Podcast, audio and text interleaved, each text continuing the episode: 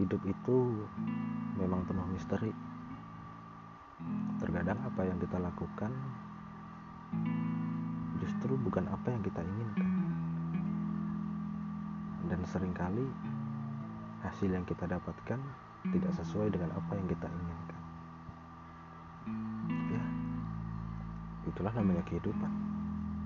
Dalam dunia bisnis, seni, pendidikan, dan apa pun itu, semua lika-liku yang terjadi di dalamnya akan aku bahas di sini. Jadi, tungguin ya.